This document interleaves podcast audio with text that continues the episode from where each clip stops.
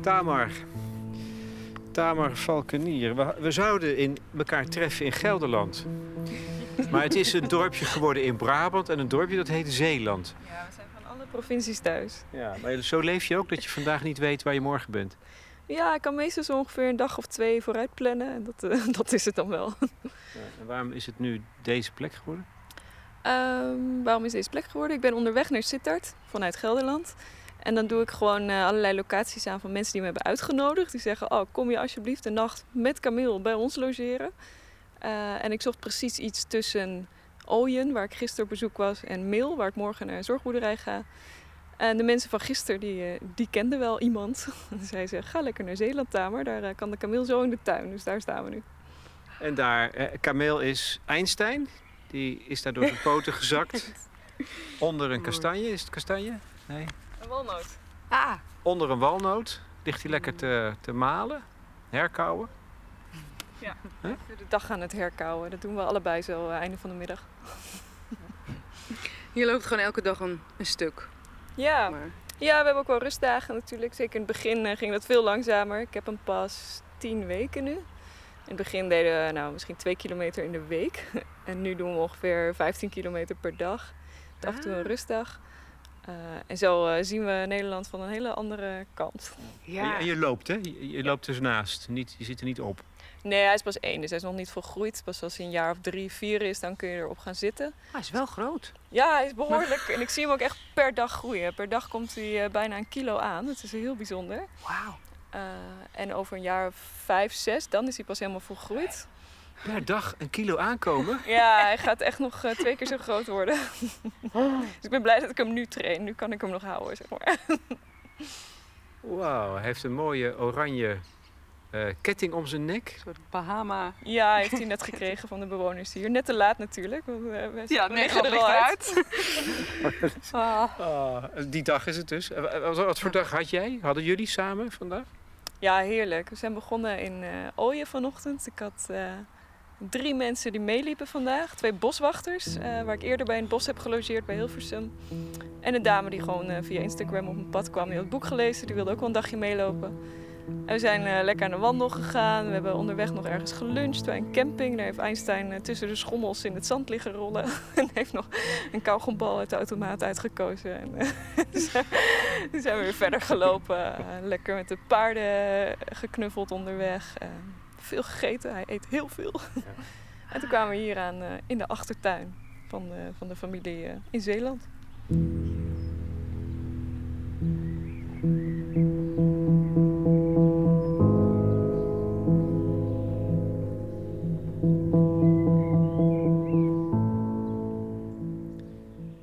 Tamar Valkenier is avonturier. We spreken haar aan het eind van wat voor ons, Nienke Laverman en Lex Bolmeijer, ook een bijzonder avontuur is geweest dat een jaar heeft geduurd. Iedere maand bracht Nienke een liedje uit van haar album Plant, over de verstoorde verhouding tussen mens en natuur. En telkens gingen we daar iemand over interviewen. De reeks is fraai en divers, even verontrustend als hoopvol. Maar ja, hoe beëindig je zoiets? Het slot van de voorstelling van Plant, die in oktober op tournee gaat, is een improvisatie. Controle loslaten, niet weten als startpunt van nieuwe creativiteit. Die improvisatie wordt nu als bonus, als een soort epiloog, ook apart uitgebracht onder de titel Droomtijd. Het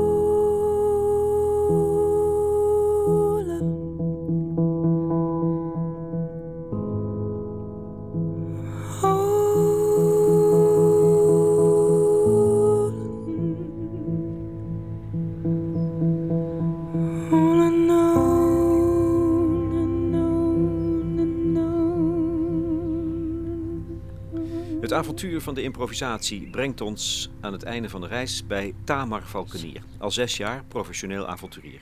Ze heeft er een boek over geschreven, Fulltime Avonturier, een bestseller. En nu loopt ze met een kameel, de razend nieuwsgierige Einstein, door Nederland. Wij vinden haar ergens onderweg in de tuin van een gastvrij gezin. Ik ben zes jaar geleden uit Nederland vertrokken, huis en haard uh, verlaten. droombaan opgegeven, huis verkocht. Eh, gewoon vertrokken en is heel veel waanzinnige avonturen beleefd. Ik denk dat ik in heel veel landen ben geweest waar jij ook eh, bent Ja. geweest. ik zag zoveel overeenkomsten. Ja. En een van die avonturen was met een paard, een kameel en een hond door Mongolië te reizen, vijf maanden lang. Daar heb ik eh, geleerd dat ik eh, dieren echt heel fijne wezens vind en dat je daar een hele mooie band mee kunt opbouwen. Eh, en omdat ik naar Nederland kwam voor het boek, dacht ik, ja, eh, dan ga ik in Nederland ook een leuk avontuur beleven. Ehm, en ik ging gewoon eens Ja, even maar ga je natuurlijk niet in een hotel zitten, inderdaad. Dat- Nee, dat- ja, ik kan bij mijn vader zitten. Dat, heb ik ook gedaan een aantal weken. En dat is natuurlijk hartstikke leuk. Maar ik dacht, eh, drie maanden lang vind ik dat wel een beetje pittig.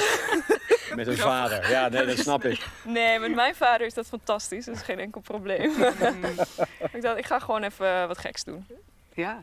Oké, ik ja, je- de vragen branden ons op de lippen, hè? Ja. Bij jou net zo goed als bij mij, Stromen volgens mij. Ja, over, ja, ja, precies. Ja, nou, dan ga ja, weer. ja, we beginnen ergens. eh, Ja, ik- ik- ja. Nee, ja. Droombaan, zeg je. ja, precies. Weet je, Daar moeten we je wel zegt op inhaken. notabene droombaan. Ja. Die heb je opgegeven. Dat doet een mens niet zomaar. Nee. Wat voor baan was het?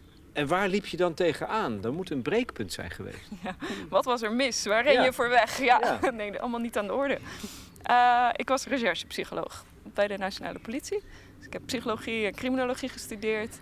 En ik mocht bij de politie werken aan moordzaken, zedenzaken, stalkingbedreiging. Allemaal hele ingewikkelde, spannende dingen. En dat was gewoon de droombaan natuurlijk. Dat avontuur zat er al in. Elke ochtend was het, wauw, wat krijg ik nu op mijn bordje? Waar mag ik aan werken? En het ging over daderprofielen of zo, dat soort werk? Ja, ook, wel. Eh, verhoorondersteuningen. We hebben psychotische verdachten opgepakt. Eh, hoe gaan we die verhoren? Nou, dan ging ik naar de recherche toe. Ging ik uitleggen wat is een psychose? Wat kun je verwachten bij iemand die psychotisch is? Wat kun je verwachten bij deze persoon specifiek? Hoe eh, verhoor je zo iemand op zo'n manier dat je een waarheidsgetrouwe verklaring krijgt en niet per se een bekentenis of, of wat je wil horen? Ehm, dreigbrieven aan ons koningshuis, eh, onze ministers. Welke is nou eh, een serieuze bedreiging, welke niet? Wat doen we met die schrijvers? Eh, Zien we die als Hier- patiënt of daders? Nou, Hier worden hele series over gemaakt, hè? Ja. Over, dat Ja. zegt iets over de mate van opwinding. Over Ja. hoe, inter- hoe intrigerend mensen dat vinden. ja, is reuze spannend natuurlijk. Maar niet spannend genoeg. Ja, wel. Ja, ja. Nee, ik vond het echt, echt te gek. Ik ben ook heel dankbaar dat ik dat werk heb mogen doen. Ehm, maar de wereld riep. En ik ben heel, heel snel volwassen geworden. Op mijn negentiende kocht ik, een, eh, kocht ik mijn eerste huis. Eh, op mijn 24 had ik mijn droombaan. eh, na twee bachelors en twee masters. En ik, had, ik was gewoon helemaal... Ik had het al gemaakt. Weet je wel? En toen was ik 24. En ik denk, ja, dat is het dan. Dit doe ik dus voor de komende 40 jaar. En daar kreeg ik het gewoon heel benauwd van. Het moet anders kunnen. Er is meer in de wereld. Ik, ik wilde altijd al graag reizen. Had het altijd voor me uitgeschoven. Ik dacht eerst die studies afmaken. Eerst een baan. Eerst een huis. En Toen had ik dat allemaal. Toen ging ik reizen. Dan ging ik elke eh, 1 januari nam ik dan al mijn vakantiedagen op. En ging ik zo ver mogelijk weg. Dus naar Zuid-Afrika of China of Colombia. Nee, noem maar op. Maar dan kwam ik in februari terug. En dacht ik ja... Moet ik weer het hele jaar. Ik vind het heel leuk. Vond het echt te gek. Eh, maar ik dacht, ik moet er even uit. Die, die drang werd steeds sterker. En ik heb gevraagd om een jaar vrij bij de baas. Dat kreeg ik niet. Ik kreeg een half jaar. En dat, nou, dat voelde gewoon niet goed. Het voelde als een soort lange vakantie. En toen na heel veel wikken en wegen heb ik eh, besloten om, eh, om die baan op te zeggen. En dan maar alles op te zeggen. Nou ja, oh, oké, dan, word, dan word ik wel benieuwd. Eh, je hebt het wel over een baan, een droombaan. Was er ook een geliefde bijvoorbeeld? Nee, op dat moment was dat er niet. Dus dat gaf me ook wel die vrijheid om, om te gaan. Lastig. Ik had wel een. ik was wel iemand aan het daten, maar het was allemaal nog heel pril. En ik heb ook tegen de jongen gezegd: van ja, het spijt me, maar ik moet dit echt alleen doen. Het is, ik, ja, er, is, er is nog iets te halen in die wereld. Meer dan liefde? Ehm, nee, ik denk dat uiteindelijk liefde het eh, ultieme doel is. Ja. Ja, want dat is de vraag die er bij mij achter vandaan komt ook. Hè? Je eh, fulltime avonturier ben je, zo heet je boek ook. Je schrijft ook, ik ben verslaafd aan eh, avontuur. Eh, en ik herken daar veel van. Ik had vroeger ook, hield ik een dagboekje bij. En dan moest er ook, het criterium was dat er elke dag iets beleefd was. Een avontuur beleefd was, eh, iets nieuws moest ik hebben ervaren.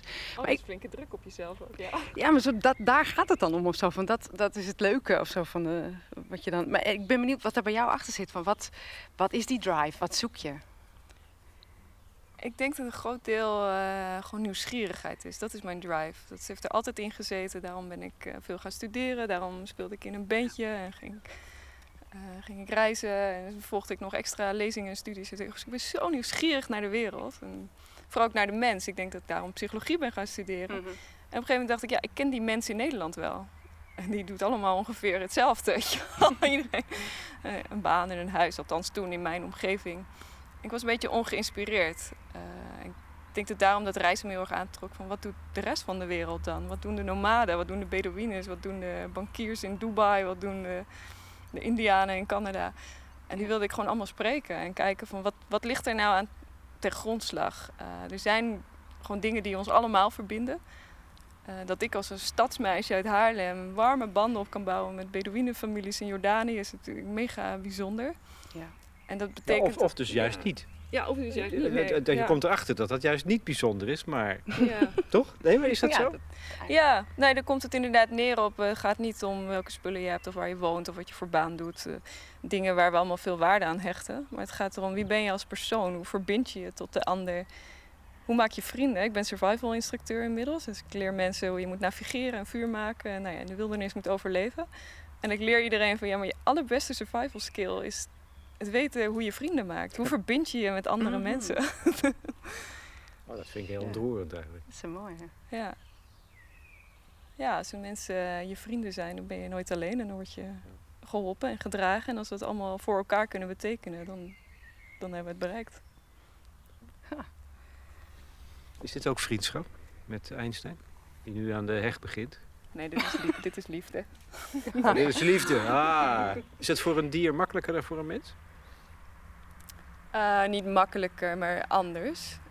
Ehm, het is veel onvoorwaardelijker, voelt het. Als hij eh, zich misdraagt, dan vind ik dat eigenlijk alleen maar heel erg lollig. kan ik hem nooit kwalijk nemen. Dat betekent dat ik iets van hem vraag wat hij niet kan. Ik, eh, ik vertel ook als mensen met mij meelopen zo op een dag, begint de dag met zet die telefoon uit, doe dat horloge af.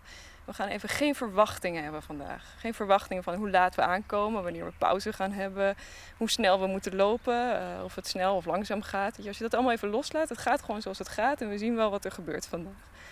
En dat is heerlijk. En ik zou zo graag hoe ik met dieren omga, zou ik ook op mensen willen toepassen. Dat ik ook geen verwachtingen heb van mijn vriendje of eh, van mijn kinderen als ik die ooit krijg. Vanwege die onvoorwaardelijkheid. Dan komt hij, eens- Ja. komt hij met zijn snuit op de recorder. Waarom moet ik op, op mijn? Ik geef me een kus. zie je dat? eh, Nou. Even ruiken. Hallo Ach. vriendje.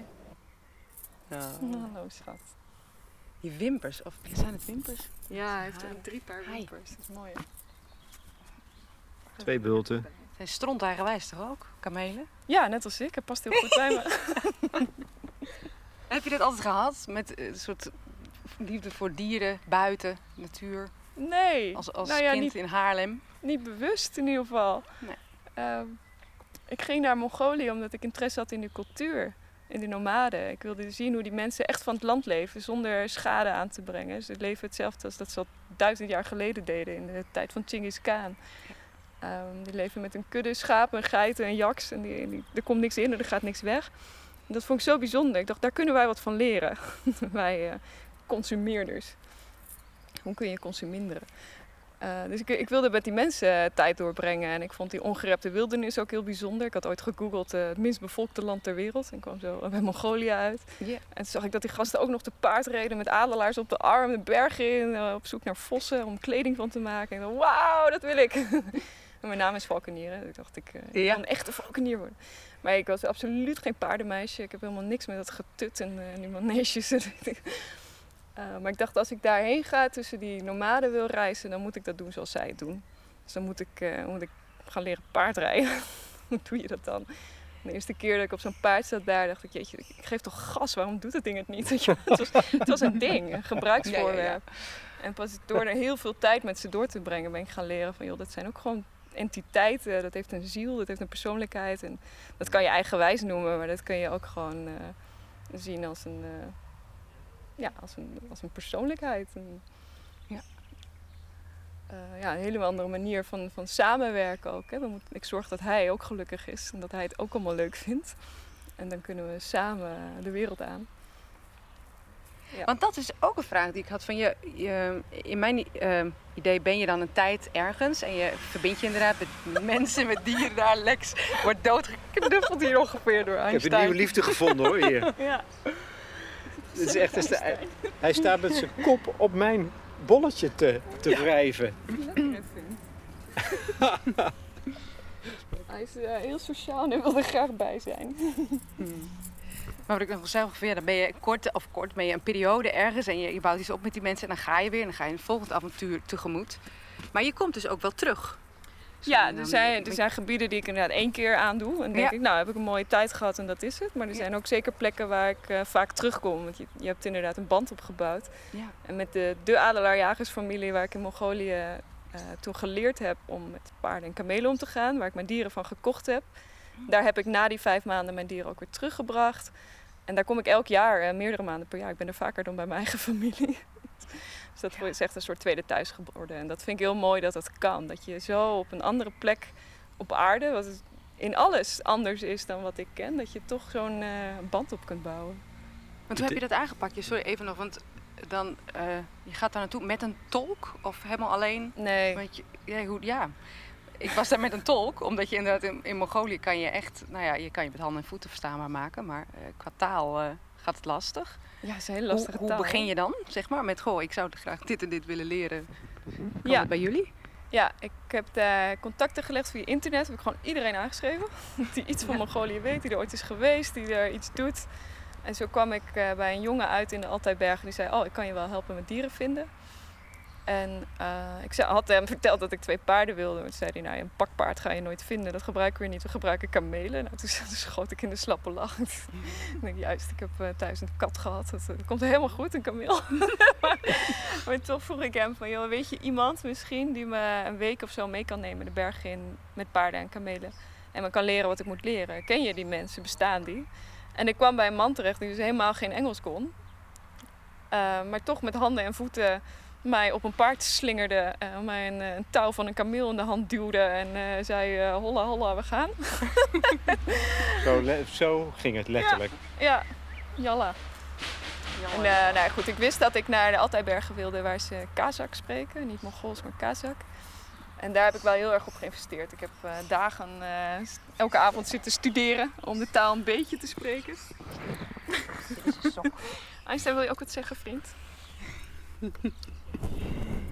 hij vindt die microfoon wel, wel lekker. Ja. Ja, Paars, zo. paarse Ja, plopkap hij, is, hij is echt één, hè. Het is gewoon een pup die heel nieuwsgierig is. Die wil overal even aan ruiken. Die wil alles even in zijn mond stoppen. Het is gewoon heel erg leuk. Maar je hebt geïnvesteerd in het Kazak. Ja, dus ik spreek een beetje Kazak. En er zijn eh, af en toe wel wat mensen die een beetje Engels spreken. Ja. En dan eh, spreek ik eh, kameel en ik spreek paard. En ik heb ballonnen in mijn zakken voor de kinderen. En ik eh, neem koekjes mee eh, voor de families. En iedereen mag een ritje op mijn beest maken. En, zo kun je op heel veel manieren natuurlijk verbinding leggen. Ik heb daar altijd een gitaar bij me, een schaakbordje. Je kunt hele avonden plezier maken zonder dat je een woord kunt wisselen. Ben je ooit bang geweest? Ja, tuurlijk. Ja, heel vaak. en heel, heel erg. Maar wanneer dan en waarom? Ja, het was zeker dat Mongolië-verhaal. Dat was zo ver van mijn bedshow. Dat was iets wat ik echt niet kende. Ik kwam in een gebied waar geen telefoonbereik is. Nou, helemaal geen internet natuurlijk. 1700 kilometer van eh, een redelijk eh, ziekenhuis. Eh, de zwarte de builenpest heerst daar nog in het water. je kunt er echt goed ziek worden. Nou, paardrijden is natuurlijk per definitie gevaarlijk. Het kan van alles misgaan en dat draait dan allemaal door mijn hoofd. Maar dat is een soort patroon geworden. Elke keer als ik weer aan iets nieuws begin, dan, eh, dan draait het allemaal door mijn hoofd. Heb ik slapeloze nachten van Oh, wat er wel? allemaal Ja. mis kan gaan. Ja, maar dat verwacht je dan goed, niet, hè? Dat jij dat ook, Ja. eh, wat je, wow, fulltime avonturier, wow, we gaan. Die heeft Ja. nul angsten, die springt overal in. En je vertelt er ook zo makkelijk over, alsof het allemaal niks kost. Ja, nou, achteraf is het, kun je- dan kan ik er heel hard om lachen. Maar en op het moment ook wel hoor, want er gaan ook wel dingen fout en daar moet ik dan ook heel hard om lachen. Eh, maar het is, ja, het is ook doodeng. En ik heb vroeger vooral heel erg gekampt met angststoornissen en paniekaanvallen. Ehm, Oh ja. ja, heel erg. Ik, ik durfde niet eens een lift in, ik durfde geen bus in. Maar ik ben dat door de jaren heen, mijn tienerjaren, mijn twintigerjaren, al die angsten gaan overwinnen. En ik dacht, daar ga ik me echt niet door laten tegenhouden. Ik ga het niet accepteren. Dan maar met angst. Dus maar precies die wel. dingen doen waar je bang voor bent. Ja, en ook dat is verslavend. Dan word je verslaafd aan het angst te overwinnen. Want En ze in- duiken nog steeds op? Nou, Of gaat het ik denk beter? Ja, het gaat veel beter. Ik denk dat sinds ik vertrokken ben, dus sinds eh 6,5 jaar, eh, heb ik zeker wel angsten, maar gezonde angsten. Natuurlijk ben ik bang dat Einstein een keer eh, losbreekt en over straat rent. Natuurlijk ben ik bang dat, dat me iets overkomt in de wildernis en dat ik geen hulp kan roepen. Natuurlijk ben ik bang dat ik van mijn paard afmieter. Maar ja, om het dan niet te doen, en, de- en juist denk ik, omdat ik die angsten heb, kun je dat veel beter analyseren. Kan ik dat onder ogen zien, kan kijken, is dat een reële angst of is dat eh, gewoon onzinangst? Eh, kan ik die risico's verminderen? Wil ik dat? Vind ik dit risico het waard? Eh, et cetera. Dus ik ga er gewoon op een normale manier mee om, denk ik. Ik, ik heb niet meer die, die paniek. En als het te eng is, nou, dan keer ik toch gewoon weer om. Dan doe En- ik het niet. Heb je wel eens langs het eh, randje gelopen? Dat je ook echt bijna de dood wel in de ogen hebt gezien? Ja. Ja? Ja, dit is zo'n gekke eh, dichotomie dat je je daardoor juist heel levend voelt. Ja. Echt zo, Kun je het I'm vertellen? Kun je het vertellen wat er gebeurt? Dat je in Ehm, levensgevaar was?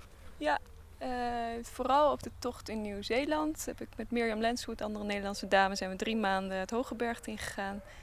En hadden we geen eten meegenomen, dus gingen we proberen te overleven van jagen en verzamelen. Hm. Ik, ben, ik ben eigenlijk vegetariër, dus dat was al een heel eh, ethisch eh, dilemma. Maar goed, daar hadden we ons overheen gezet, dat gingen we doen. En wat bleek, dat in die tocht was eigenlijk helemaal niet zo'n probleem om eten te vinden. Dat ging eigenlijk allemaal wel. Ehm, maar de tocht zelf was gewoon heel gevaarlijk. Rivieren doorsteken, daar gaan de meeste mensen in de wildernis in Nieuw-Zeeland eh, aan dood. Eh, bergkammen oversteken en dan heb je een goed gedetailleerde kaart waar 20 meter tot 20 meter nauwkeurig kun je zien wat je allemaal te wachten staat. Maar dat betekent dat als je opeens voor een waterval van 18 meter staat, die heb je niet voorzien op de kaart. En dan denk je, ah, wat nu? Dan, nou ja, dan heb je één obstakel overwonnen en dan klim je met handen en voeten over zo'n waterval heen. En dan komt het volgende probleem. Een heel veld vol met vlijmscherpe planten waar je dan doorheen moet. En dan opeens een hele steile helling. Denk, ja, ik kan niet meer langs die vlijmscherpe planten en die 18 meter waterval terug om een ander pad te vinden. Dus ik moet wel hier langs die helling. En je kijkt het ravijn in de ogen. En één stap verkeerd, je ligt erin. En het, het grappige is dat op dat soort momenten voel ik helemaal niet zo die angst. Dan denk ik heel rationeel van oké, wat moet ik doen? Stap hier, eh, gewicht daar, eh, niet naar beneden kijken. en hopen dat het goed komt. En dan pas later in de tent, als we het hadden overleefd, zeg maar, dan schoten we allebei ook weer in een slappe lach en tranen over de wang. Jezus, wat was dat eng, hè? Uh, ja, dat is, dat is heel spannend. En denk ook, ja, waarom doen we dat ook eigenlijk? Ik wil helemaal niet dood en ik wil helemaal niet die risico's lopen. Maar daar, daar kom je dan een beetje in verstrikt door, doordat we zo'n tocht willen maken. Maar moet het ook steeds extremer? Is dat ook iets dat je denkt, ja, eh, het volgende... Nee, dat wil ik helemaal niet. Nee, Ik wil helemaal geen, doel. risico's lopen. Nee. nee, nee, gek was in Nederland was ik aan het parachutespringen en eh, aan het motorracen op circuit en deed ik allemaal hele gevaarlijke dingen. En daar heb ik nu helemaal geen behoefte meer aan. Ik wil, die, ik wil dat de risico's niet opzoeken. Maar het is een soort van onderdeel van de dingen die ik wel wil. Ik wil wel heel diep de wildernis in. En, eh, Omdat? omdat het zo prachtig is. het is zo prachtig. Je moet je voorstellen dat ik daar met mijn eigen dieren, mijn kindjes dan, door die steppes van Mongolië, nou je hebt het gezien, eh, loop. eh, dan al dagen geen mensen heb gezien. En dan s'avonds uh, gaat mijn kameel er lekker bij liggen en ik zit dan zo lekker tegen hem aan. En die zon die gaat onder en mijn paard staat verder op de gras en het hondje komt erbij liggen en ben lekker een beetje gitaar aan het spelen. En het is zo verschrikkelijk magisch. Dat kan ik in Nederland niet bereiken. Het is te druk, het is te vol. en daarvoor uh, vind ik die wildernis zo mooi. De, de, sterren boven je hoofd, de vuurvliegjes om je heen. Ik heb afgelopen winter een half jaar in Zweeds Lapland doorgebracht met mijn tentje op het ijs, het noorderlicht in de lucht. Uh, dat je niet weet waar je moet kijken, zo mooi. En, en dan draai ik me om en staat ineens een eland met een kindje naast mijn tent te grazen. Dat soort ervaringen, denk ik, ja, dat, dat maakt het risico het waard. Het gekke is, ik betrap mezelf op de gedachte, ja, het is zonder mensen. Je hebt het niet over een mens of mensen. Je had het al eerder over vriendschap, maar hier in deze, als je de magie beschrijft, niet. Terwijl ik denk, ja, maar is dat dan nodig? Want er is gezelschap. Hè, er, is, er, is, er zijn allerlei persoonlijkheden. En zijn de en meest intense momenten dan ook inderdaad alleen? Ja, met dieren. Ja, dus want dat is me- dus niet of alleen, heb je ook dat ik. soort momenten gehad met uh, mensen rond, uh, Ja. te midden van mensen? Ja, te midden van mensen ook. Maar ik denk met dieren is het anders. En, en of het dieren zijn of niet. En je eigen dieren of wilde dieren maakt natuurlijk uit. Maar ook gewoon in de natuur. Ook bovenop Mount Kenia. Uh, dat ik gewoon in huilen uitbarst. Omdat het zo verschrikkelijk prachtig is. En zo puur. Alles is zo puur. Je? Er is niemand die iets van je verwacht. Dat zijn eigenlijk de enige momenten waarop je echt helemaal vrij voelt. Dat alle maskers afvallen. Alle, dat je helemaal vergeet wie je zelf bent. En je zo, zo verbonden voelt met alles om je heen. Dat je denkt, dit, dit is het gewoon. En als ik nu hier zo oplos in dit geheel, dan voelt dat goed. En dat, dat vind ik lastiger te bereiken met mensen. En ik ben gek op mensen, begrijp me niet verkeerd. Ik wil geen kluizenaar zijn. um, maar de balans is mooi. Af en toe die wildernis, die natuur. En dan weer uh, af en toe de mensenwereld. En nog één vraag over de angst. Je komt dus in situaties waarin je werkelijk in, in gevaar bent, in levensgevaar. Dat is een reëel gevaar. Ja. Helpt dat dan om je van je, van je, juist dat, om je van je angsten te bevrijden, die meer speculatief zijn, hè, waar je altijd last van hebt gehad? Ja, een reëel gevaar, dan weet je precies wat je moet bevechten. Als er een beer voor je, voor je neus staat, dan weet je wat je moet doen uh, tegen die beer. Of daar kun je in ieder geval een voorstelling bij maken.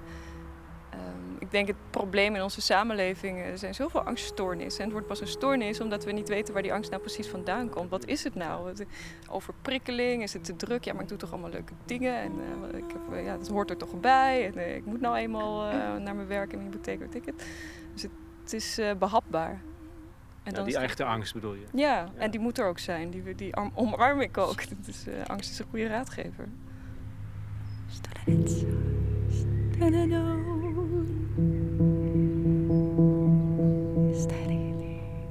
Standing alone,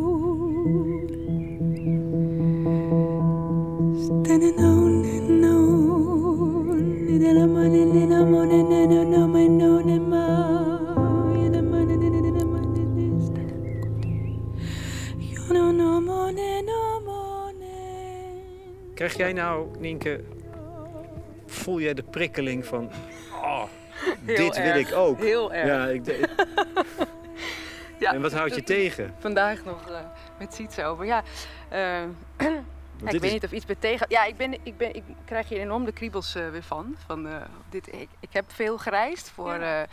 het maken van mijn albums. En dus ja, meteen begint er van alles weer belletjes te rinkelen. En ook te denken van ja, hoe, hoe wil ik dat weer eens oppakken? En, maar ik, ik, had toen wel altijd het gevoel dat ik reisde, dat is misschien een, een verschil, om, dat ik reisde om thuis te komen. Ja. Om ook weer um, opgedane ervaringen om te zetten in iets, in vorm te geven in muziek of in verhalen. En dat dan weer hier uh, te delen. Ja, dus om terug te komen. Ja, Want ik dacht net bij het om verhaal. op te halen. Ja, nee, maar bij Tamar ja. dacht ik net, jij bent overal thuis. Ja. ja, wat is voor jou thuis? Ja, dat, waar ik ben. Ja. Gewoon waar ik ben, ben ik thuis. Uh, tuurlijk uh, ben ik, als ik bij mijn vader in Haarlem ben, ben ik thuis. Dat is eigenlijk mijn enige echte thuis. Ah. Maar ik ben, uh, ik ben heel erg verliefd op Australië, daar voel ik me thuis. Maar eigenlijk voel ik me overal wel thuis. Ja. Niet uit. Hoe is het dan om hier nu weer te zijn? Ja, ik vind het te gek. En, maar het is ook... Het is anders omdat ik nu voor mezelf heb afgesproken... Jota, maar je bent op bezoek. Ja. En ik vind het heel leuk om nu mijn eigen land te ontdekken met een kameel. Er gaan opeens allemaal deuren open. Dat verwacht je niet. Maar als je een kameel koopt, gaan alle deuren open. Uh, ik wandel natuurlijk heel traag, heel langzaam door allerlei verschillende streken en provincies. Ik zie dingen die ik, die ik nooit, uh, ja, nooit zo gezien heb. Brabant is natuurlijk prachtig. Uh, ik kom ineens achter de schermen bij zorgboerderijen, bij tiny house projecten. Bij allemaal mensen die hele inspirerende dingen doen. En daardoor word ik ook echt wel weer verliefd op eigen land. Dus ik vind het nu wel heel erg leuk om hier te zijn. Ja. Snap ik. ik moest lachen, want ik las ergens in een interview volgens mij dat je in Mongolië uh, bij de adelaarjagers kon je niet, het lukte je niet om uit te leggen wat stress eigenlijk is. Wat wij hier iets doodnormaals vinden. kan je dat vertellen hoe dat ja. ging? ja. ja, een van die adelaarjagers die, die kan best wel redelijk Engels. Dus ik probeer uh, altijd een beetje dat gesprek met hem aan te gaan. En ook te vragen, wat vind je nou van, van het feit dat ik hier ben? En wat vind je van onze rijke westerlingen, het, het Westen, hoe wij hier leven? Van, joh, wat nou als je veel geld zou hebben? Wat nou als ik hier toerisme op poten zou zetten? Veel mensen zou brengen. Oh, dat zouden we zo leuk vinden. Ja, Tamer, kom alsjeblieft terug en neem zoveel mogelijk mensen mee. Oké. En wat ga je met het geld doen dan? Wat wil je? Wat zijn je dromen? Wat wil je voor jezelf? Wat wil je voor je kinderen? Dan wil je in de stad wonen. En zegt hij, gadvertamer, ik heb één jaar in de stad gewoond, in Kazachstan. Wat een verschrikking. Alles is vervuild en vies en herrie. En en geen dieren. En, en, kijk nou even waar ik ben. En dan wijst hij zo op dat prachtige landschap om zich heen. En denk ik, ja, je hebt gelijk ook. En de familie dichtbij. Ik heb er weken over gedaan om uit te vinden welk kind nou eigenlijk bij wie hoort. Want ze zitten allemaal bij elkaar aan tafel en slapen allemaal bij elkaar in bed. en het is zo prachtig. En ik... Hey, vent. Komt weer even checken. Komt er even echt Dat doen kinderen ook altijd. hè. Die gaan er gewoon jou hebben. die gaan ertussen staan. Ja, nee, Stijn. Hallo. Vind je dat we te lang praten, Einstein? Pontific, pontificaal. Dit doet hij voor de vliegen. Oké, hij staat even met zijn poot. eh, trekt even een poot op, linkervoor poot. Ja. Been. Zeer aardig. Een gracieuze gang, vind ik het. Terug, terug naar de walnoot. Stress. Stress. Ja, stress Stress, heeft natuurlijk ja. ook te maken met beleving van tijd. Zeg maar, hoe wij daarmee omgaan en eh, hoe zij daarmee omgaan. Wat kan jij nou zeggen? Ben jij bijvoorbeeld helemaal los van de klok? Mm, nou, niet helemaal. Zeker niet op deze reis in Nederland. Maar Nee. eh, ja, normaal gesproken wel redelijk. Ook wel, zeker als je door zo'n, eh, echt door de wildernis reist, dan hoef je niet ergens te zijn. Dan is er, geen- weet je, wanneer ik eh, geen zin meer heb, dan, dan stop ik. Dan zet ik de tent op en dan, eh, dan is dat het voor, voor die dag. Eh, en ik merk dat het gewoon zo, zoveel goed doet voor je lijf, fysiek en mentaal. Dat je niet kijkt van, eh, oh, je zit al 12 uur, mag ik lunchen? Maar je, je eet gewoon wanneer je honger hebt, je gaat slapen wanneer je moe bent. Als je een rotdag hebt, nou, dan, eh, dan ga je gewoon een dag niet. En die vrijheid, dat, eh, dat neemt alle stress weg natuurlijk. Er zijn geen verwachtingen en deadlines. Die kun je zelf opleggen. Ehm, maar dat hoeft helemaal niet. Ik, ik heb eerst twee jaar over de wereld gefietst. Hè, en dan kwam ik wel eens Hmm. mensen tegen die dan ook wereldfietser waren. En dan gingen ze me vertellen dat ze in drie maanden naar Singapore gingen fietsen. En welke dag ze dan waar aan wilden komen. En waar ze dan gingen slapen en boodschappen doen. En eh, zullen we een stukje samen fietsen? Dan dacht ik, nou, zullen we het gewoon niet doen? Dat vind ik helemaal geen leuke manier van reizen. Als het allemaal is eh, uitgestippeld. Daar krijg je stress van. En, en dan sta je ook niet meer open voor wat er allemaal kan gebeuren. Dit lijkt mij het moeilijkste onderdeel. Geen verwachtingen hebben. Ja. Dit vind Mhm, ik echt. ja. Leg er mij eens uit. Hoe kan ik dat leren? Hoe kun je dat leren? Nou, een dagje met Einstein aan de wandel. dan, dan leer je Gaat alles enorm- anders dan je. enorm geduld hebben. beginnen nu aan, eh, moet je even opletten, aan een boom. Van het Aan wasgoed. een, aan een, aan een plant. Kijk, dat mag dan weer niet. Dat was volgens mij omdat hij de gastheer wilde pesten. De lievelingsplant van de man des huizes, van de gastheer. Die mag niet opgegeten worden, dus daar ligt een soort eh, hoeslaken overheen. Maar hij had onmiddellijk het gat gevonden. heet niet voor niks Einstein, hè? Precies. Verwachtingen, dat, ik, dat vind ik echt moeilijk. Niet met verwachtingen leven. Niet ergens naartoe willen. Hoe klein, hoe groot ook. Weet je, dat is. Hoe doet de mens dat?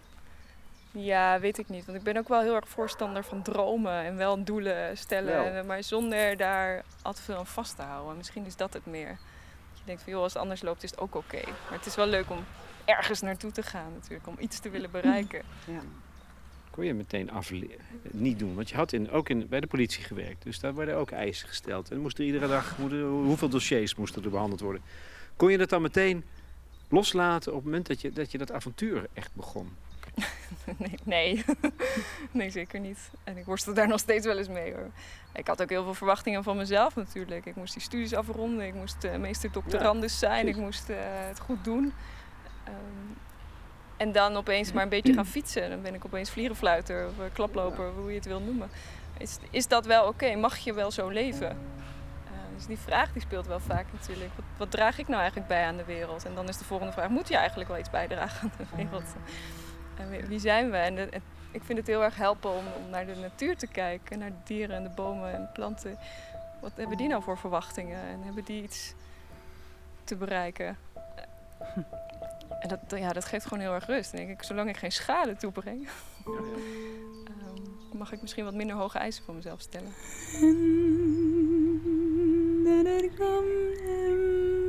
En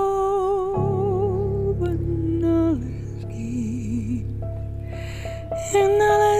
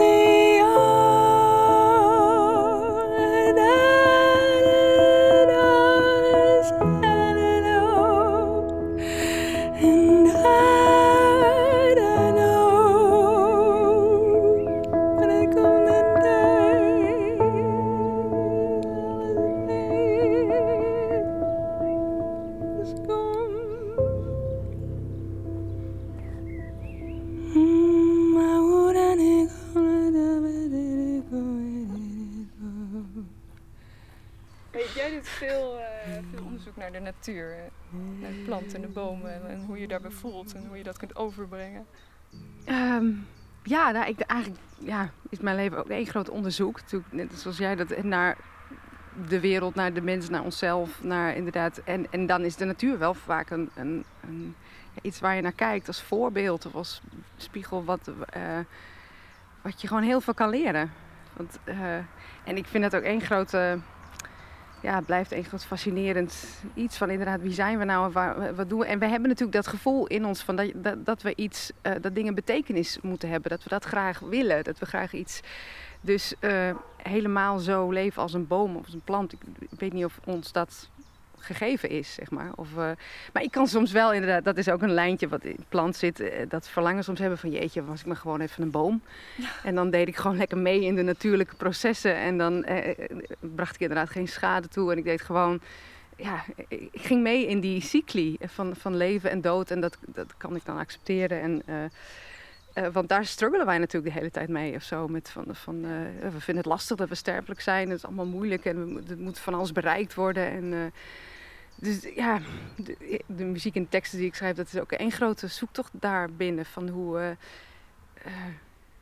ja, hoe, hoe, hoe kijken we naar de wereld en hoe ga je daarmee om? Maar ik heb ook het idee, dat is in ander werk zo en misschien met plant nog wel sterker, dat ik eigenlijk perspectieven verzamel. En ik, heb, ik kan me zo voorstellen dat dat ook iets is wat jij herkent. Ja, het me- ik heb laatst het boek gelezen, Socrates op sneakers. Gewoon een leuk boekje. En het- mijn favoriete nieuwe woordencombinatie daarin is eh, perspectivistische lenigheid. De tongbreker. Ja, en ik vind het zo mooi. Want daarvoor ga ik de wereld in. Om te kijken, hoe doen andere mensen dat? Wat vinden zij belangrijk? Ja. Eh, wat zijn hun kernwaarden? Waarom doen ze wat ze doen? Waarom doet Einstein wat hij doet? Ja, bij de handje. Je wil zo graag bij Lex knuffelen. Ik bijt een beetje in mijn nek. Gezellig zitten. Aandacht, ja, ja, ja, ja. Dat krijgt hij dan ook. Hè? ja. Nou, hij heeft wel een lijf om eh, in te zetten. Ja, precies. Daar wil je geen nee tegen zeggen. Het laatst hadden wij, eh, interviewden wij eh, de filosoof Katrien Schouwbroek. En eh, toen we, het ging over liefde. Maar eh, zij zei toen, eh, en dan moest ik ook eh, nu aan jou denken, van eh, verzamel eigenlijk zoveel mogelijk, of leg zoveel mogelijk perspectieven naast elkaar. En, en maak de cirkel van mensen die kennis aandragen zo groot en zo divers mogelijk. En misschien zullen dan de vooroordelen elkaar uitgummen. En ik las, en moet ik jou even goed citeren, in een interview dat jij ook zei, van hoe meer verschillende leefwijzes ik aanschouw, hoe minder overtuigd ik raak van mijn eigen keuzes. Ja, exact. Ja. Kun je daar voorbeelden van geven? Nou ja, over liefde gesproken. We hebben allemaal wel een soort van een idee hoe een relatie eruit moet zien. Dat je vooral samen moet wonen en eh, veel samen moet zijn. En samen op vakantie moet. En, eh, samen, samen, samen. Eh, maar er zijn natuurlijk heel veel perspectieven op. En over de hele wereld gaan mensen daar anders mee om. En als je die allemaal bij elkaar legt, ja, dan krijg je ineens een veel meer open vizier. En dan kun je beter gaan voelen, bedenken van wat past eigenlijk bij mij. Wat vind ik nou iets, eh, hoe ik mijn relatie in wil vullen. En dan, eh, ja, dan gaat er ineens een wereld voor je open. Dus hoe meer ik, ik zie dingen als vegetarisch zijn. Hè? Dat was ik Ja. vooral in Nederland, omdat ik niet mee wilde doen aan die bio-industrie. En ik heb, ik heb op deze reis met Einstein ook wel tegenover zo'n varkensstal geslapen. En dan worden ze de hele nacht ingeladen en dan hoor je de hele nacht... Dat verschrikkelijke gekrijs. En Oké, ik ga voorlopig even niet barbecue. Uh, maar in Mongolië is het natuurlijk anders. Die mensen hebben geen groente en fruit, er valt niks te verbouwen. Dus die moeten wel hun dieren eten. En dat doen ze dan uh, op een hele respectvolle manier. En er worden gebeden gepreveld en het beest wordt bedankt en alles wordt gebruikt, et cetera. Ja. En ik dacht, nou, ik ga dat ook gewoon doen. Ik ben daarheen gegaan en ik heb daar een schaap geslacht op de manier waarop zij dat doen. Dus, uh, met een mes de keel doorsnijden en het bloed spuit alle kanten op. Dat is allemaal heel gruwelijk. En dan kom ik bij uh, de Mongoolse bevolking. Die zeggen, nou, dat vinden we zo barbaars. Dat doen wij niet hoor. Wij snijden het beest uh, levend de buik in. En dan stoppen we onze arm naar binnen. En dan trekken we de slagader kapot. Dat is veel diervriendelijker. en dan kom ik in Kenia bij de Maasai. En die zeggen, nou, dat vinden we barbaars. Wij uh, verstikken de geit. En, en, dat doet hij graag voor ons. Dat heeft hij voor ons over. En uh, wij zijn nu de mensen. Hij is de geit. En in een volgend leven is dat andersom. Dus Dus, en zo kun je alles van heel veel kanten bekijken. En dan, dan heb ik ook niet zo'n mening meer over. Heb ik niet van ja, ik moet niet vegetarisch zijn of ik moet niet op een manier een dier slachten. Nee, dat kan dan niet meer star zijn, zeg maar. Dat Nee, is niet, één. nee. Het is flexibel. Maar, ja. maar dat kan ook leiden tot een soort totale besluiteloosheid of zo. Kan ik me Ja, voorstellen. Wat is dan Kom je, wijsheid? kom, je, kom je daar dan niet Maar- terug? Want je, hebt ook, je wil ook je leven voor... Einstein. Laten we nou even rustig dit interview doen. Met, met, je, met Tamar. Ja, dat, is- dat, ja er, zit, er zit niks in hoor. Ja.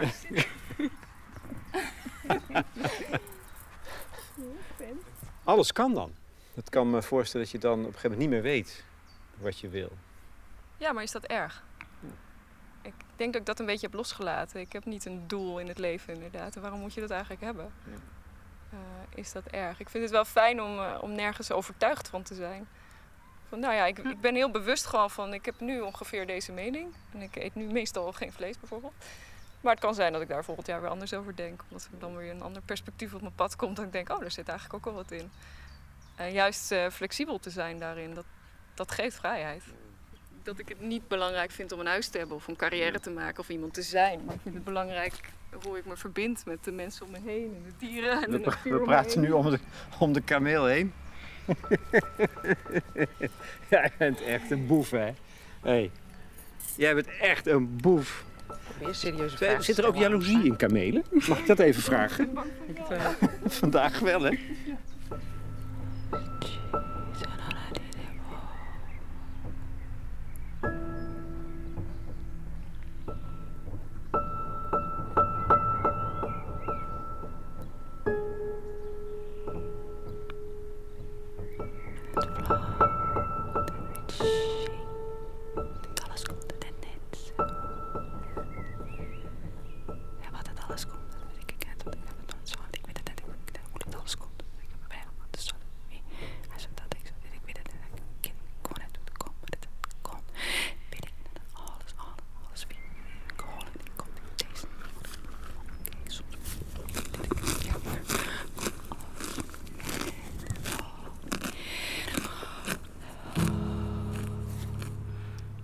Wel, ook in, in dat, eh, eh, wat je zegt over die verschillende perspectieven. En dat eh, het fijn is om misschien even geen overtuigingen te hebben. Dat dat wel ook heel behulpzaam kan zijn. Ook voor ons nu, waar we, hè, deze Ja. tijd waar we in zitten. Eh, nou ja, dat is waar ik me ook met plant wel mee bezig heb gehouden. Van, we zitten in zo'n tijd waarin alles lijkt te verschuiven. Weet je, met, met snoertjes. Zullen we even op de trampoline gaan zitten? Is Oh dat ja. een idee? Ja, dat kunnen we doen. Dat is een heel goed idee. Maar ook het eh, nomadische perspectief, denk ik, op, het, eh, op de wereld. Daar zitten we dan, midden op de trampoline. Alles kan. Ja. Kan ons, denk ik, heel veel eh, leren. Ja, wat ik merk is dat eh ik komen natuurlijk heel veel mensen op mijn pad nu door, de- door het boek. En die hebben allerlei vragen over het leven. Van, is dit nou, ik wil het ook anders doen. Tamer, heb je tips? Eh, Want eh, ik moet toch geld verdienen? En dan zeg ik, oh ja, is dat zo? ja, ik moet toch ergens wonen? Oh, is dat zo? Als je echt een hele basis soort van uitgangspunt eh, ten eerste eens even op, eh, op papier kunt krijgen. Of duidelijk kunt krijgen. En die ook durft te bevragen. Dan gaat er natuurlijk eh, heel veel deuren gaan er dan open. Je hoeft niet ergens te wonen. Kijk, ik, woon, ik woon nergens, al zes jaar niet. Maar dat heeft natuurlijk wel consequenties. Eh, en de vraag is, wil je dat? Eh, je hoeft geen geld te verdienen, althans niet veel. Ik leef eh, van 2000 euro per jaar, leef ik een fantastisch mooi, rijk leven. Maar heeft wel consequenties. Ik kan niet uit eten en ik kan niet een nacht in een hotel. En, en ik vind dat waard, maar een ander misschien niet. Of alleen tijdelijk. En om al die dingen eens op tafel te leggen, om daar ook over durven na te denken. Ja, maar dat kan niet, want eh, ik heb een gezin. Ik zeg, oh, heb je het overlegd met je gezin? Ga eens even vragen, wat zouden zij ervan vinden? En in welke manier, op welke manier zou het misschien wel kunnen? En dat geeft natuurlijk eh, ja, wel eh, handvaten, handvatten om, om verder te kijken. Eerst maar eens vragen stellen, ja. En jij kent waarschijnlijk ook Robin Davidson. Ja, ja. Ja, ja, ja. Wie is Ja. dat? Nou, dit is ook een avonturier, als ik het zo mag zeggen. En ze heeft ook boeken geschreven. Ze heeft eh, in haar eentje ook met een kameel eh, half Australië doorgetrokken. Eh, vijf veel in. India geweest, bij nomadische volkeren. Maar zij zei ook, eh, ook een mooie uitspraak, van, ja, eigenlijk de, ehm, de manier... ehm, moet ik het even goed zeggen? Dat de nomadische levensstijl eigenlijk de manier van leven is waarbij wij mensen misschien wel het minst, of het meest in harmonie leven met de natuur en het minst schade toebrengen aan die natuur. Zijn dat eigenlijk ook dingen waar jij je druk over maakt? De, de leefbaarheid van de planeet, de klimaatverandering? Niet meer. Ah. Ehm, toen ik vertrok uit Nederland had ik best wel een zwart mensbeeld, een zwart wereldbeeld. Komt natuurlijk ook door mijn werk. hè. Ik zag alleen maar het slechtste Hmm. van het slechtste in de moord- en zeden Ja. afdeling. Ik las de kranten uitvoerig, dat is ook niet goed voor je humeur. en ik was ook wel veel bezig met, eh, met de planeet. En wat doen we allemaal de planeet aan en waar is het allemaal goed voor? Eh, mijzelf inclusief. Ehm, maar ik ben een hele andere wereld gaan zien. Omdat ik juist op de prachtigste plek op aarde kwam, de mooiste bergtoppen heb gestaan. En ik denk, jeetje, dit hebben we ook allemaal. En in die meest onherbergzame plekken, zoals de woestijn in Jordanië en de steppes van Mongolië. eh, daar wonen ook gewoon mensen. En die doen dat al duizenden jaren. En dat is helemaal in harmonie met de natuur. Eh, bijna helemaal misschien. in ieder geval veel meer dan, eh, dan wij in het Westen. En heel veel van die volkeren die kiezen daar ook heel bewust voor. En dat vind ik zo mooi. Die nomaden in Mongolië die ik heb gesproken, die Bedouinen in Jordanië die ik heb gesproken, die vragen van joh, wil je niet naar de stad en wil je niet dat je kinderen dat ook doen? En die zeggen allemaal ben je gek, we hebben het hier heerlijk. Ehm, Dit leven ligt ons veel meer. We doen het samen. Eh, we hebben hier onze dieren, we hebben hier de rust en de vrijheid. Dit is hoe we willen leven. En dan denk ik, nou, misschien zijn er wel heel veel mensen die dat ook willen. En dan is de vraag natuurlijk, zij, wij zien hun vaak als arm. En zij zien ons vaak als rijk. Maar eh Hm, is dat wel zo? of dat zo is, ja. Ja. maar je hebt niet zoiets van dat wil ik dan nu aan de westerse wereld ook vertellen en laten zien. Ja, dat doe ik ook. Hè. Ieder, die- iedereen die het wil horen. Maar er zijn vele manieren waarop dat kan. Mhm. Je kunt eh, voor, eh, voor de televisie gaan staan of voor eh, collegezalen met miljoenen mensen. Of, nou, dat past niet in een collegezaal, sorry. Voor honderden mensen. Of je kunt proberen de mensen die je ontmoet gewoon te raken. En dat vind ik een veel mooiere Ja. manier. Dat je één op één de diepgang in kan gaan in plaats van voor grote getalen op de oppervlakte blijven. Mooi. Dat vind ik een hele Ja, mooie. Ja. Hey, en ik, ehm, ja, ik heb deze, dit gesprek gekoppeld aan een ehm, improvisatietrack eigenlijk. Moet ik even uitleggen misschien. Eh, het album heeft elf songs. En eh, we hebben dus elf gasten eh, gesproken. Die elk weer vanuit hun eigen vakgebied nou ja, het hebben over een perspectief geven op, op deze thematiek. Ehm, maar in de voorstelling is het slotstuk een, een improvisatie. eh, wat dus elke avond anders is. En waarbij we ook niet weten hoe, hoe lang dat is. En op een gegeven moment kwamen we erachter, ja, dat, dat is misschien wel het belangrijkste eh, stuk. Want natuurlijk moest ik dingen kwijt in mijn teksten. Maar eh, ik ja, maar het gaat een beetje over dat we, we kunnen van alles zeggen, maar, maar eh, je moet ook dingen laten komen. En misschien is het niet weten nog wel veel, veel zeggender dan al die, al die teksten. En dus ook voel ik het ook een beetje, deze tijd een soort tussentijd tussen dat oude systeem wat niet meer werkt en het nieuwe verhaal wat er nog niet helemaal is. En eh, misschien moeten we ook maar gewoon dat niet weten, dat onzekere maar eens omarmen. Voor mezelf ook een grote uitdaging, want ik ben ook, eh, ook ik weet niet of jij dat ook bent, maar ook wel een control freak, dat je dingen wel wil voorbereiden. Dus ik stap nu met dat improviseren ook wel een, een eh, onbekend gebied in voor mezelf. Maar ja, jij bent dat, jij bent eigenlijk continu aan het improviseren. Ja, of, lijkt dat zo? Nee, ja. Hmm. Eh, wat is het juiste antwoord op je vraag? Het is, het is een beetje van beide. Want ik, in die onzekerheid vind ik ook rust. Ik vind het heerlijk. Als het allemaal uitgestippeld is, dan, dan begint alles te trillen en dan, dan gaat het niet goed met me. dan moet er iets eh, onzekers gebeuren of komen. Ehm, maar ik bereid ook dingen wel heel goed voor. En ik zorg wel dat ik niet in zeven sloten tegelijk loop en dat het ook allemaal eh, lukt. succesvol is. Eh, het is een beetje van beide. Ja. Maar dit is inderdaad mooi. We zijn, ik denk dat we heel erg in transitie zijn. Ik ook nu in Nederland ontmoet ik zoveel mensen die allemaal het anders willen, maar nog niet precies weten hoe en allemaal zoekende. Ik weet niet of je die gedichtenbundel van Rutger Kopland kent. Die zegt ook eh, wie, wie het. eh, Wie wat vindt, heeft slecht gezocht. ja, ja, zoiets. Ja. mooi. Oh, ik ken wel veel gedichten van hem. Maar deze regel... Toch? Ja, Dat is het ja toch? wie het gevonden heeft, heeft niet goed genoeg gezocht of zoiets. Ja, dat vind ik ke- kei sterk. Ik hoef niet eh, een mening te hebben. Het is altijd een soort van hypothese. Want dit is wat ik nu ongeveer vind. maar ik, ik hou de deur open voor andere, andere meningen in de toekomst. En zou je kunnen voorstellen dat je dit leven ooit ook kan delen met kinderen? Gezin, dat je, Ja. eh, Ja, zeker. Waarom niet? nee, ja, dat lijkt me prachtig. Ja, ja. Als je die eh, behoefte hebt, dan... Ja, ik- Als je, maar heb jij die behoefte? Nee, niet per se. Eh, nooit gehad. Eh dichtstbij eh, wat ik aan moedergevoelens heb, dat is natuurlijk mijn relatie met mijn eigen dieren. Ja. Ehm, maar ik vind het wel een heel mooi idee. Ik sta er wel voor open, maar ik, ik ben er gewoon nog niet. Als dat komt in de komende tien jaar, dan, eh, dan wil ik dat overwegen. Ik weet het gewoon niet. Ook dat Ja. is over. Maar dit is dus wel ook ruimte voor bijvoorbeeld een liefdesrelatie? Of uh, Zeker. je hebt niet het gevoel van, ja nee, ho, ho, dan leg ik hem vast. En dan, eh, Nee, want ik denk ook dat het, dat het niet hoeft. Hè? We hadden het over relaties en liefde. Ik, ik denk dat het op heel veel, eh, in heel veel vormen gegoten kan worden. Ja, dat, dat wilde ik net eigenlijk ook nog vragen. Je had het over dat, die perspectivische lenigheid.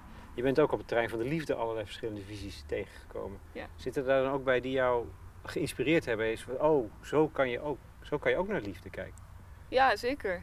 Ehm, absoluut. Ik heb allerlei vrienden in de tantra-bewegingen. Ik heb vrienden die eh, polygamie eh, beoefenen.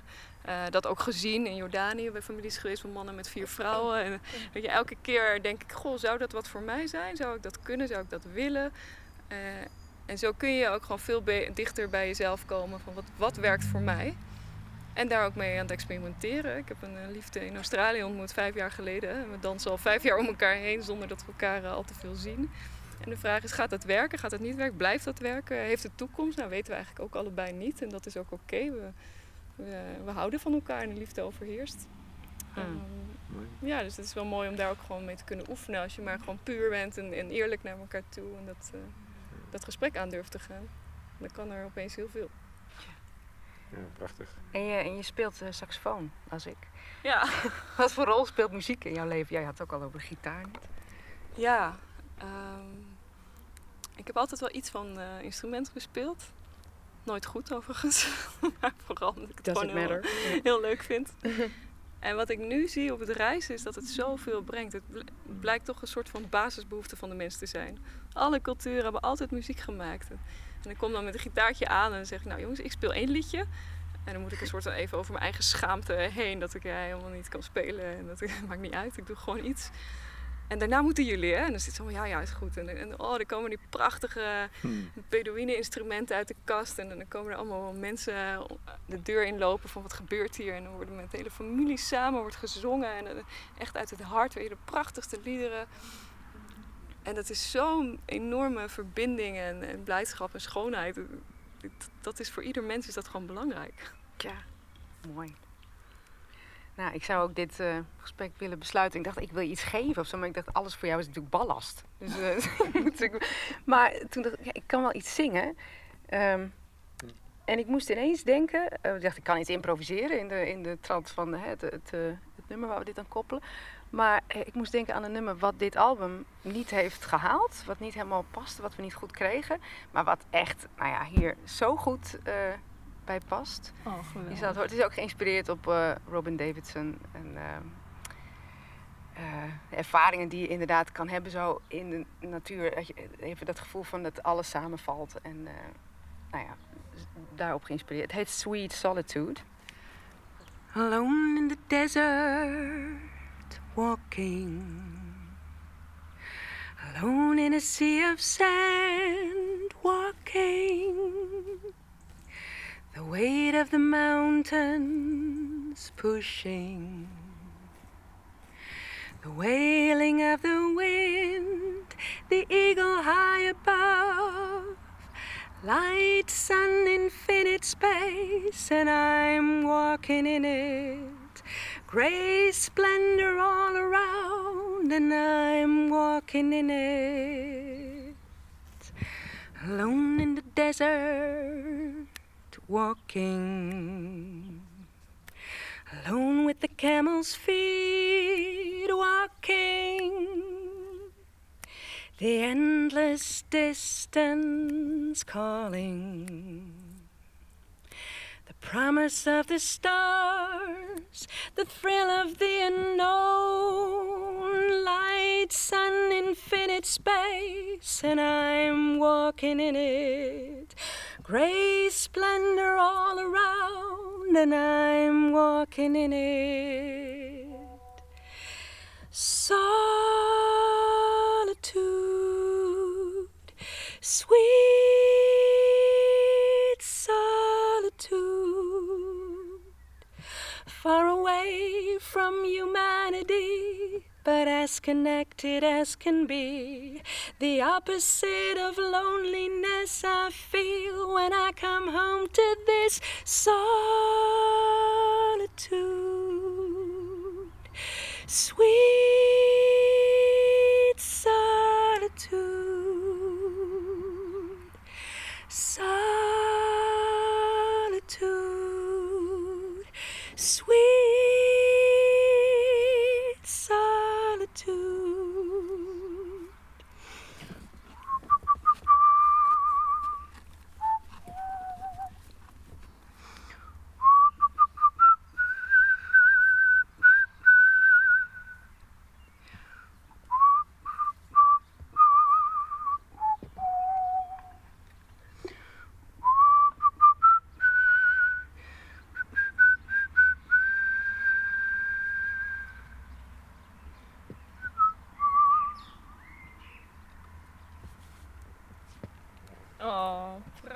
Dankjewel. Dat is een fantastisch mooi cadeau. Dank jou wel voor dit mooie gesprek en voor de inspiratie.